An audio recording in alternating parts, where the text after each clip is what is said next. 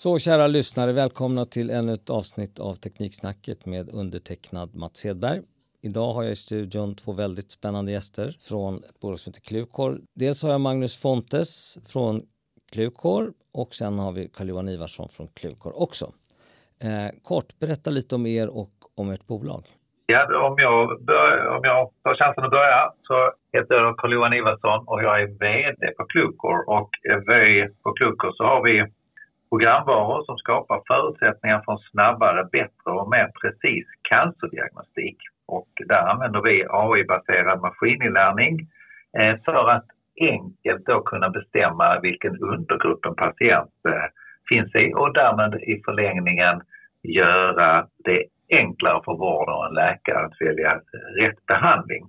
Och vad är det som gör, det, enk- vad är det, som gör det enklare, Carl-Johan? Enklare genom att eh, labbet och patologen får ett tydligt svar eller en sannolikhet på vilken eh, undergrupp en viss eh, patient då eh, förväntas tillhöra. Och då kan... Baserat på att man, förlåt. Och då kan man snabbare bestämma hur man ska behandla, är det så? Ja, lite förenklat kan man säga att det ger då ett bättre underlag mm. för, för läkaren att, eh, eller eh, patologen att föreslå behandlingar. Och Magnus, vad, vad var ditt bidrag i det här?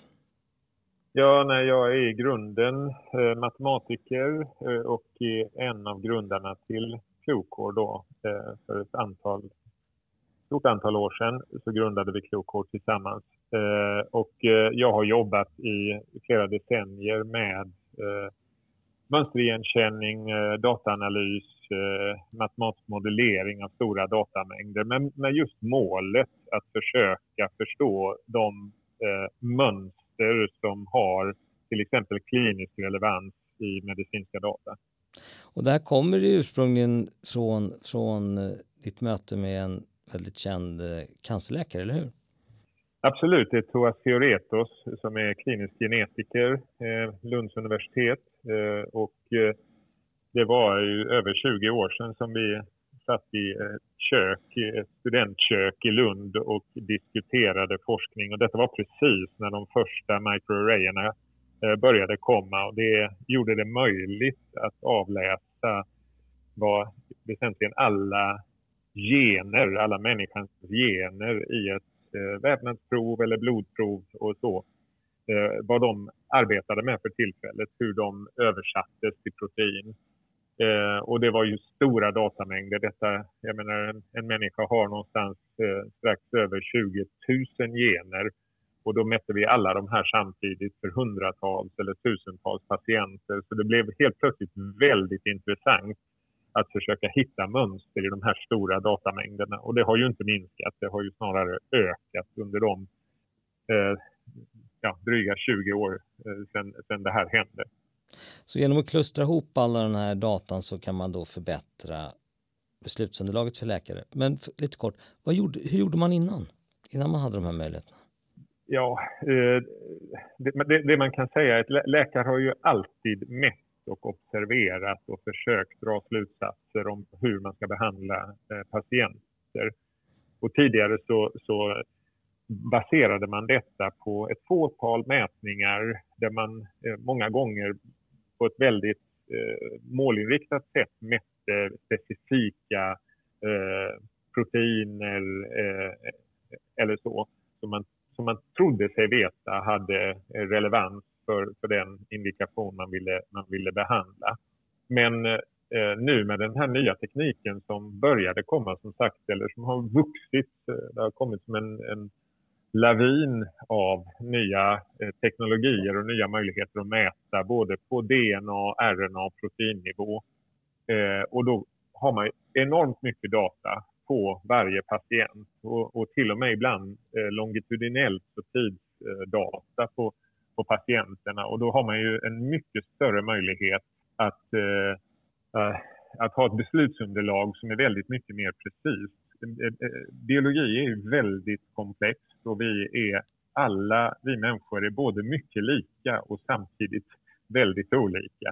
Så det här är en jättestor utmaning och man kan inte på något sätt säga att, att det, det är uttömt utan vi börjar snarare att nagga eh, den här precisionsbiologin i kanten. Eh, så jag är övertygad om att, eh, och många med mig, om att de närmsta åren som kommer kommer att innebära en stor revolution. Och där är ju både, låt säga, mer traditionell maskininlärning, AI, som vi har arbetat med under flera decennier och eh, ny, eh, låt säga, nya algoritmer och nya modeller för hur vi gör AI eh, kommer att ha en stor impact på hur eh, patienter behandlas eh, i framtiden. Så, så om man drar ut där i tangentens riktning kan man säga att det blir möjligt att rädda fler liv? Absolut, det, det är målet med allt, allt det vi gör är, är ju målet att bättre förstå, att kunna hitta eh, sjukdomar, eller, sjukdomar eller, eller negativa hälsotillstånd tidigt och att kunna göra interventioner tidigt som, som gör att människor lever eh, hälsosammare liv eh, och, och, kanske också längre liv. Det, det är absolut målet här. Och, och, och, det har skett stora eh, transformationer. Jag menar om vi tittar på eh, immunoterapi inom cancer så eh, är det under det sista decenniet som det har kommit och det har ju revolutionerat cancervården och betytt enormt mycket för, för eh, vissa patientgrupper. Och det vi alla jobbar med nu är att försöka bättre eh, förstå eh, hur vi ska anpassa immunoterapi så att vi kan nå ännu fler patienter och, och rädda ännu fler liv. Och vad, vi ska prata lite mer specifikt om maskininlärning här. Vad, vad, hur, hur, först kan vi bara fastslå, vad är maskininlärning? Um, ja, det man kan säga är att det här har vuxit fram ur eh, algoritmer för just att hitta eh, struktur i stora data. Eh, det har varit eh, har, vi har arbetat mycket med det över, över de sista decennierna inom till, till exempel bildanalys där man automatiskt försöker då, givet en bild som ju då består av en massa pixlar och eh, intensiteter och färger och så i varje pixel. Givet det att försöka lista ut eh Eh, vad det är man ser i en bild. Är det, är det frukter och i så fall vilka frukter? Är det, är det djur och i så fall vilka djur och så vidare som man ser i de här bilderna? Eller, eller bara kunna identifiera siffror eller text eh, skriven, skrivet av en, av en människa. Eh, och, det, och här, här har det skett mycket under de eh, sista decennierna och vi har blivit bättre och bättre på att, på att göra det här automatiserat. Och då handlar det återigen om att eh, omvandla de här bilderna då till, till eh, matematik, till eh, stora matriser av, av, av tal och data som rep kan representera då pixlar och intensiteter och så. Och sen utifrån alla de här eh, mätdata att försöka hitta mönster och sen matcha de mönstren mot saker som vi som människor då uppfattar i, i, i verkligheten. Eh, kanter och hörn och geometriska former och annat. Om man, om man nu sticker in lite och kanske försöker förenkla eh, ytterligare så, så kan man väl säga att se på maskininlärning som att en, en liten maskin som vi tränar upp att kunna ge svar då, till exempel om det här är ett äpple eller ett päron. Och för att träna upp den här maskinen så matar man den med en massa bilder på päron och äpplen och sen när man kommer med en bild där man inte vet vad det är så, så spottar maskinen ur sig en sannolikhet eller ett svar. Ja, men detta är ett päron med 95% sannolikhet och ett äpple med 3% sannolikhet. Och den är jag lite osäker kanske den säger. Så att viktiga begrepp här inom maskininlärning är ju till exempel att man just tränar upp den här maskinen eller modellen eller algoritmen eh, med hjälp av ett träningsdatasätt och sen så kommer man då längre fram med någonting form av okända mätvärden som man stoppar in i maskinen och då får man ett svar. Det här låter ju ganska matematiskt komplicerat, det kan vi ändå fastslå? Va? Ja, det, det kan man absolut säga att det är och eh, mycket här så har vi, precis som Carl-Johan beskrev här, så har vi då eh, försökt bygga de här prediktorerna för att prediktera vad det, är, vad det är vi egentligen ser i en bild till exempel. Eh, och eh, då har vi byggt algoritmer som är relativt effektiva och har blivit bättre och bättre. Men där vi har fortfarande en ganska begränsad förståelse för vad det är som händer egentligen i den här processen. Så det här, hur, eh, när vi tränar så att säga våra modeller så har vi en, en, en eh, begränsad förståelse fortfarande för, för, för vad det är som verkligen händer. De har blivit mer och mer komplexa, de här algoritmerna, om man pratar om djupinlärning eller deep learning, där vi har väldigt många nivåer, eh, där vi eh, tränar våra modeller på väldigt många nivåer och precis hur de här nivåerna hänger ihop och vad det är som verkligen händer i våra modeller, där jobbar vi mycket för närvarande för att, för att bättre förstå det, för att kunna bygga ännu bättre modeller. Och, och då flikar jag in igen och då är det inte bara Cluecore som jobbar på detta utan det är hela eh, så att säga, forskarvärlden som, som Magnus eh, refererar till här. Att detta är ju stora, stora satsningar från många, många duktiga matematiker och statistiker. Och, Absolut, och både inom akademi och inom andra företag. Mm. Och hur relaterar den här maskininlärningen till AI? Kanske det är fler än jag som undrar. Ja, eh. Magnus, som jag vet inte om du vill ge mer detaljer, men man kan väl säga att rent generellt så är ju maskininlärning en klass eller en delmängd av eh, det större fältet AI. Och så, så kanske du vill lägga till mer detaljer? Uh, ja, nej, jag, man, man, man, kan säga att AI uh, Eh, jag, jag, håller med eh, Carl-Johan. Jag menar, AI kan ses som en del av maskininlärning, men sen så har det ju fått, AI har ju liksom fått eh, ett uppsving nu till exempel med eh, ChatGPT och andra sådana här generativa eh, modeller för AI eh, där man mer generellt försöker efterlikna någon slags generell mänsklig intelligens. Så det, jag skulle tro att åtminstone allmänheten när man, när man pratar om AI så, så tänker man sig nog någon slags generell allmän eh, mänsklig intelligens. Eh, sen används AI som ett bredare begrepp som då innefattar eh, väldigt brett maskininlärning.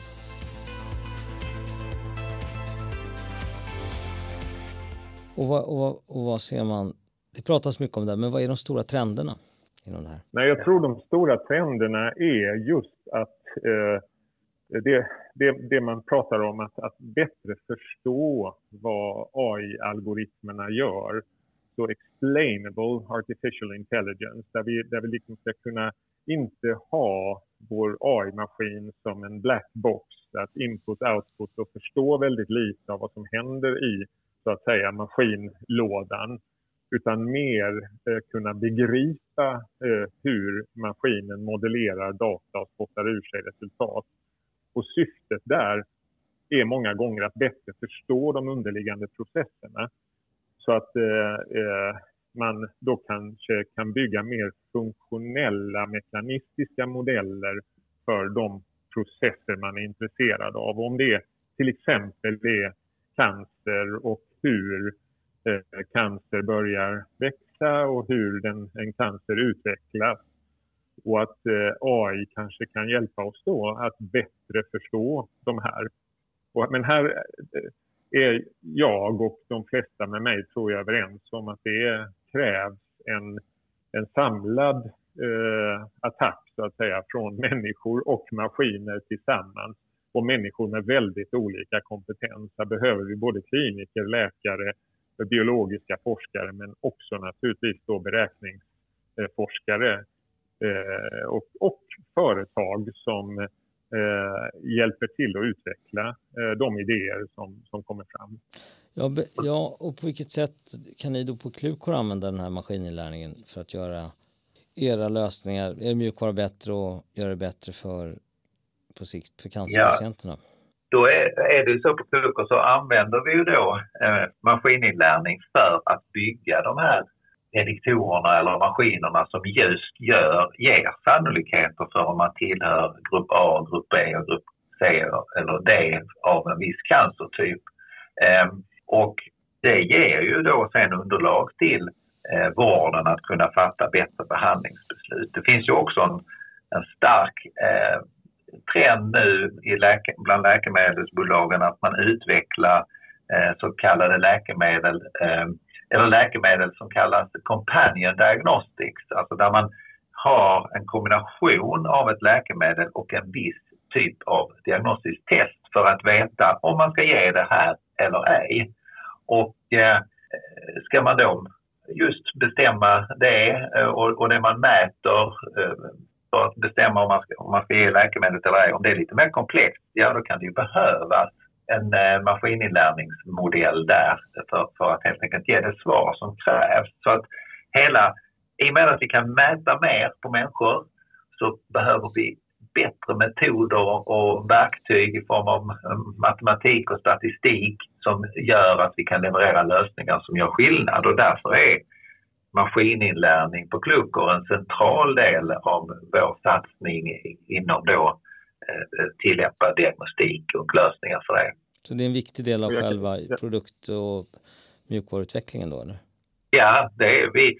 Vi arbetar ju så att vi, vi samarbetar med ett antal eh, duktiga forskargrupper inom olika cancerområden och sen tillsammans med dem så tar vi då fram en modell för ett visst cancerområde och sen in, implementerar vi denna modell i våra olika mjukvaror. Och, eh, inom området eh, diagnostik så har vi två eller klinisk data så har vi två produktfamiljer. En som heter Clucor Insight som är med för forskning och en som heter Clucor Diagnostics eh, där vi nu strävar mot en CE-märkning enligt regelverk som heter IVDR för att den ska få lov att användas i vården då fullt ut.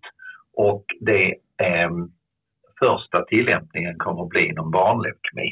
Här är jag lite nyfiken. Eh, forsk forskare nämndes eh, att de ingår och, och är intresserade av det här. Hur, hur intresserade är kliniker att ta till sig den här typen av det här sättet att jobba? Det finns ju väldigt starka trender eh, just att hela tiden eh, förbättra så att säga. Det, det ligger ju i vårdens eh, natur att man vill ju eh, det är bättre vård nu än vad det var för 30 år sedan. Eh, vi använder ny teknologi så att det finns ju väldigt starka underliggande trender. Sen kan det också finnas svårigheter med att idag kanske man har arbetsflöden på ett sjukhus där man tar vissa typer av tester och det ska skicka, ofta rätt så praktiska problem. Provet ska skickas från A till B och någon som ska ta emot det 24 eh, dygnets eh, alla timmar liksom, och svaren ska byggas och det ska finnas ett labb som kan köra det här. Va? Och därmed kan det också finnas en, en viss tröghet för nya lösningar. Men, men i grund och botten så, så finns det ett väldigt starkt eh, intresse för mer då genbaserade och eh, så att säga, genuttrycksbaserade lösningar och det är ju inne i ett antal av cancerformernas guidelines redan nu och, och för diskussioner pågår hela tiden om att föra in fler. Och... Jag, jag tror, precis som Carl-Johan säger här, jag tror också att eh, man pratar inom eh, behandling och vård om eh, biomarkörer som man ibland använder för att fatta beslut om hur man ska behandla eh, patienter. Och det kan vara eh, mätningar på nivåer på protein eh, i blod till exempel eller, eller eh, eh proteiner i en biopsi som man tar ifrån en, en patient som, som då redan idag finns med regulativt också och reglerar vilken medicin som rekommenderas då ifrån eh, myndigheter eller, eller legalt.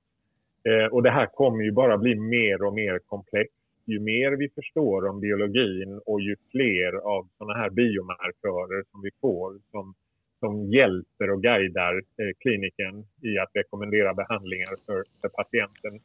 Och där kan man säga att en, en lite unik eh, feature eller ett sätt att tänka som vi har på Klokor är ju att ha en väldigt stark visuell återkoppling.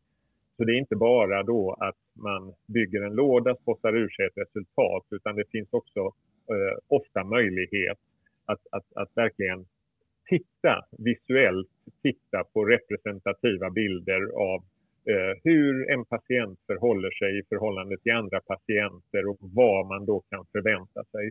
Och jag tror att detta kan vara ett viktigt hjälpmedel också för en kliniker i, i samtal med patienter, med sina patienter att försöka då eh, klargöra vad man, vad man har tänkt sig och vad man kan förvänta sig att det kan ha för effekt. Och, och idag så är det här i sin linda. Vad, vad, kommer vi att vara om fem år till exempel? Kommer det här vara en, en helt naturlig del av all klinisk cancervård? Jag tror det. Eh, jag tror att vi kommer att se en, en snabb utveckling eh, och det, och det, tror jag för att eh, vi som patienter och, kliniker och så vidare kommer ju eh, att efterfråga eh, som patient vill man ha hjälp. Eh, och finns det då forskning och annat som pekar i att man faktiskt kan få hjälp, man kanske kan överleva någonting som man tidigare inte hade så stor chans att överleva, då kommer man att kräva detta. Så jag, jag tror att, att det, det, det, kommer att vara ett starkt tryck på att, att, att, få ut det här i vården. Sen så, så, är det ju alltid så att man får ta saker med en nypa salt. Vi, tyvärr så, så är ju vår erfarenhet så långt att, att de eh, uppfinningar som, som, som som vi kommer fram med, de hjälper vissa patienter och andra patienter är, har fortfarande ett, ett, ett, ett, behov som vi inte kan möta. Men det är ju där forskningen också fokuseras många gånger. Men jag tror att det här kommer att ha en enorm impact och jag tror också att eh, trenden i allmänhet är ju att försöka hitta sjukdom väldigt tidigt och försöka behandla sjukdomar eh, innan de till och med får kliniska manifestationer. Så att innan patienterna upplever ett stort obehag så ska man redan där kunna gå in och behandla. Och då, då är det ju ohyggligt viktigt att de interventioner man gör inte eh, har alltför stora biverkningar. För eh, känner man sig hälsosam och, och kry och läkaren föreslår en behandling som kommer att göra en, en eh, eh, sjuk och lidande så är man mindre benägen att vilja ha den behandlingen. Eh, så här, här finns en balansgång och, och eh, det kommer bli otroligt intressant eh, hur, att se hur det, här, hur det här kommer att se ut framöver. Kommer det här till och med bli en del, tror ni, av, av själva läkarutbildningen? Det tror jag. Det är en jättebra fråga och jag, eh, det tror jag absolut. Man ser man kan se hur regulativa myndigheter anställer fler och fler som ska hjälpa dem att förstå den här datadrivna eh, Eh, biologin eller datadrivna biomedicinen. Eh, så det kommer vara en nödvändighet eh, för, för läkare i framtiden att åtminstone ha en större förståelse för de möjligheter och de begränsningar som finns i den här typen av teknologi.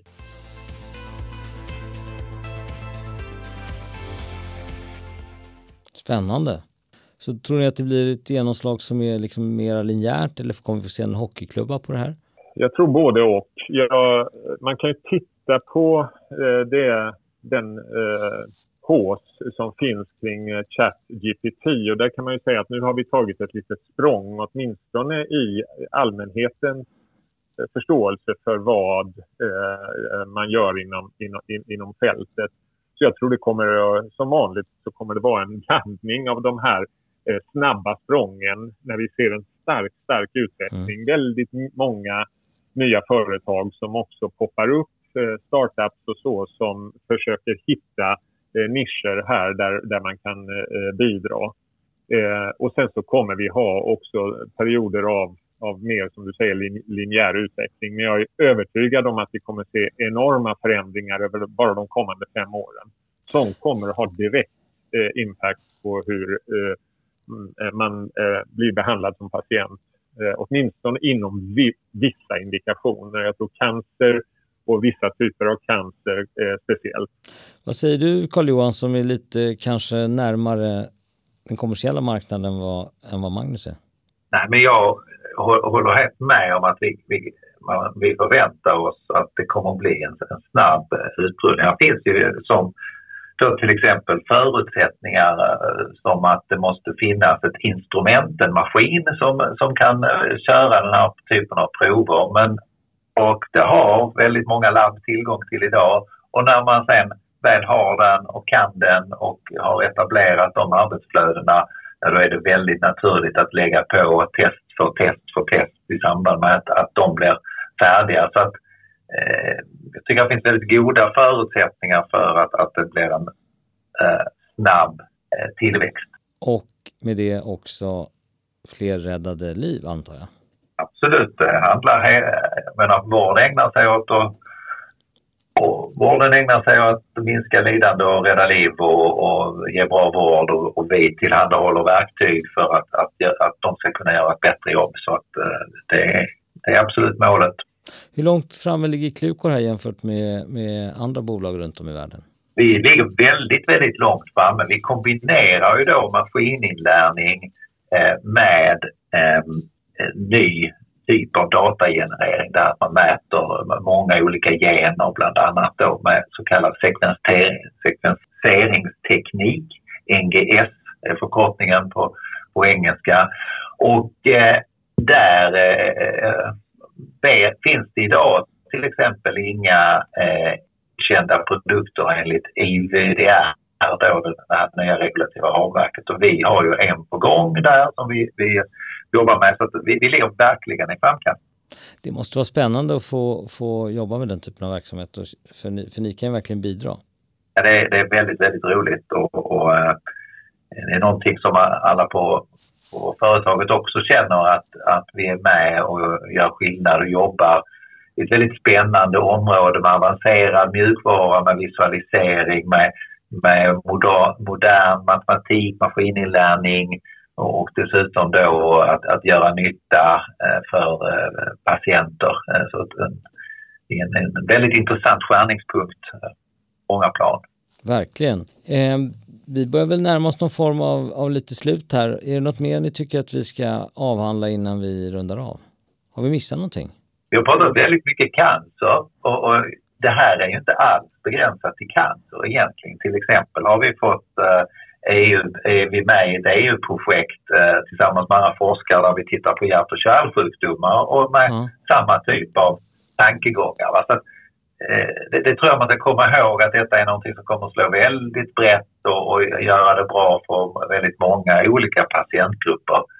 Eh, sen är cancer väldigt naturlig start för, för, eftersom de genetiska komponenterna i cancer är så tydliga. Det där, var, det där tyckte jag var ett intressant inlägg. Betyder det egentligen att, att det här kan man använda på inom alla möjliga terapiområden eller finns det några begränsningar? Det, nej, men det är klart att det finns begränsningar men generellt sett så är, är de grundläggande principerna ju väldigt tillämpbara väldigt brett. När det finns något, något bra att mäta och som kan hjälpa med hur man ska behandla så, så är det relevant. Eller vad säger du Magnus? Nej, jag håller helt och hållet med. Och, och sen så kan man säga det att ju mer vi förstår om eh, biologi och biomedicin, desto mer förstår vi att eh, naturen har väsentligen samma lösningar, även om det är ganska komplext och, svårt än så länge för oss att, att verkligen förstå mekanismer och, och kausala förlopp och så.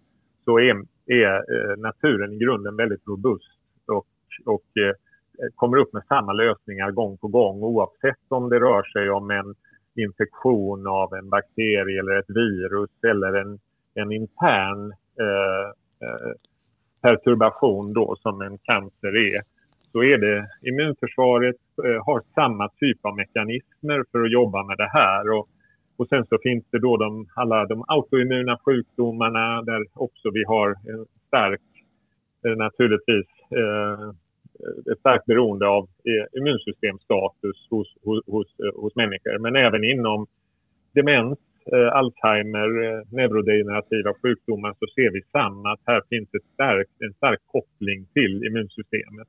Och just den här liksom, holistiska helheten är, är något jag tror generellt kommer att bara växa. Och det har att göra med just det här att försöka bidra till att vi ska leva hälsosamma och, och förhoppningsvis eh, eh långa liv och att sjukvården då kan vara med och stötta patienterna i, i, i att göra detta. Och, eh, allting hänger ihop och vi, och vi ser det mer och mer eh, inom, inom biomedicin. Att en infektion kan trigga en autoimmun sjukdom eller till och med eh, eh, ha, ha, en impact på cancer. Och, Och vi vet att eh, det finns lika mycket bakterieceller i en människa som mänskliga celler. Och det är ett intrikat samspel mellan alla de här som där metabolism eh, och, och, annat eh, har en impact på infektion, autoimmunitet och, eh, och även, även cancer. Så jag tror att, att eh, framtiden kommer att handla väldigt mycket om hälsovård lika mycket som sjukvård. Tidigt hitta förändringar, kunna göra något åt dem och då tror jag den typen av teknik som vi här på Kloko då är med och bidrar till kommer att vara ohyggligt väsentlig eh, i, i, hela den här, eh, i hela den här utvecklingen. Vi måste ha verktyg för att interagera med data och bättre förstå data på, på ett mänskligt sätt. Det där, jag, tycker, jag måste bara fånga upp det som du sa där Magnus, det, det, det, är en mer holistisk syn. För som jag har uppfattat i alla fall så har läk, eh, läke, läkare och, och det, varit, de har gått mot mer och mer specialisering över lång tid. Och specialisering är ju bra på visst sätt men du får inte alltid med helheten. Du kan ju ha ont i knät som egentligen inte har med knät att göra för du har ont i, i lipsoasmuskeln jag bara hittar på. Um, så att om man kan kombinera den holistiska med special, specialistvården, är det du säger att det är det man kommer kunna göra i framtiden? Det tror jag och där kommer man eh, just ha den här stora nyttan av ett maskin-mänskligt eh, samarbete. Vi kommer behöva AI eller maskininlärning för att tolka alla de data och också eh, att ge ett gränssnitt för läkare och kliniker eh, att, att, att kunna komma med rekommendationer och även använda det som ett kommunikationsverktyg mot, mot eh, patienter. Så här kommer ju läkarna att få väldigt mycket stöd, tror jag, av, eh, eller jag är helt säker och många med mig, eh, av AI-system. Och vi har det redan, vi ser det rullas ut redan i i som patologi där, där, vi, där man, vi får stor hjälp att tolka bilder till exempel, identifiera tumörer i, i många cancerindikationer. Eh, och det, och det här kommer bara att växa. Det, det tror jag alla är överens om. Intressant utveckling. Alltså både specialister och helhetssyn kan giftas ihop på ett sätt som kanske inte varit möjligt förut. Är det så man kan uttrycka det? Eh, ja, det, det, det, tycker jag. Och, och, och, och den nya tekniken och, och, de här kommunikationsmedel som Kloko till exempel kan bidra till gör ju också att man kan enkelt knyta ihop specialister till små team som kan eh, stödja eh, patienter eh, framöver. Så jag tror absolut inte att, inte på överskådlig sikt i alla fall, så kommer naturligtvis inte maskinerna att ersätta människorna utan återigen så är det ju bara ett verktyg för oss människor att kunna både interagera, kommunicera och få, och få beslutsstöd. Men ett verktyg som skapar nya möjligheter, kan vi inte enas om det? Absolut. Gentlemen, det här var ett jättespännande samtal tycker jag. Jag är säker på att lyssnarna kommer tycka det också. Eh, jag ställer än en gång frågan, är det någon som vill säga något ytterligare innan vi rundar av? Det är jättebra från min sida. Tack så mycket. Ja, men tack. Ja, nej, tack också för ett trevligt samtal ja, men... eh, från, från, min sida. Mm. Ja, men tack så hemskt mycket för att ni delade med er så generöst av er kunskap. Tack. Tack. tack.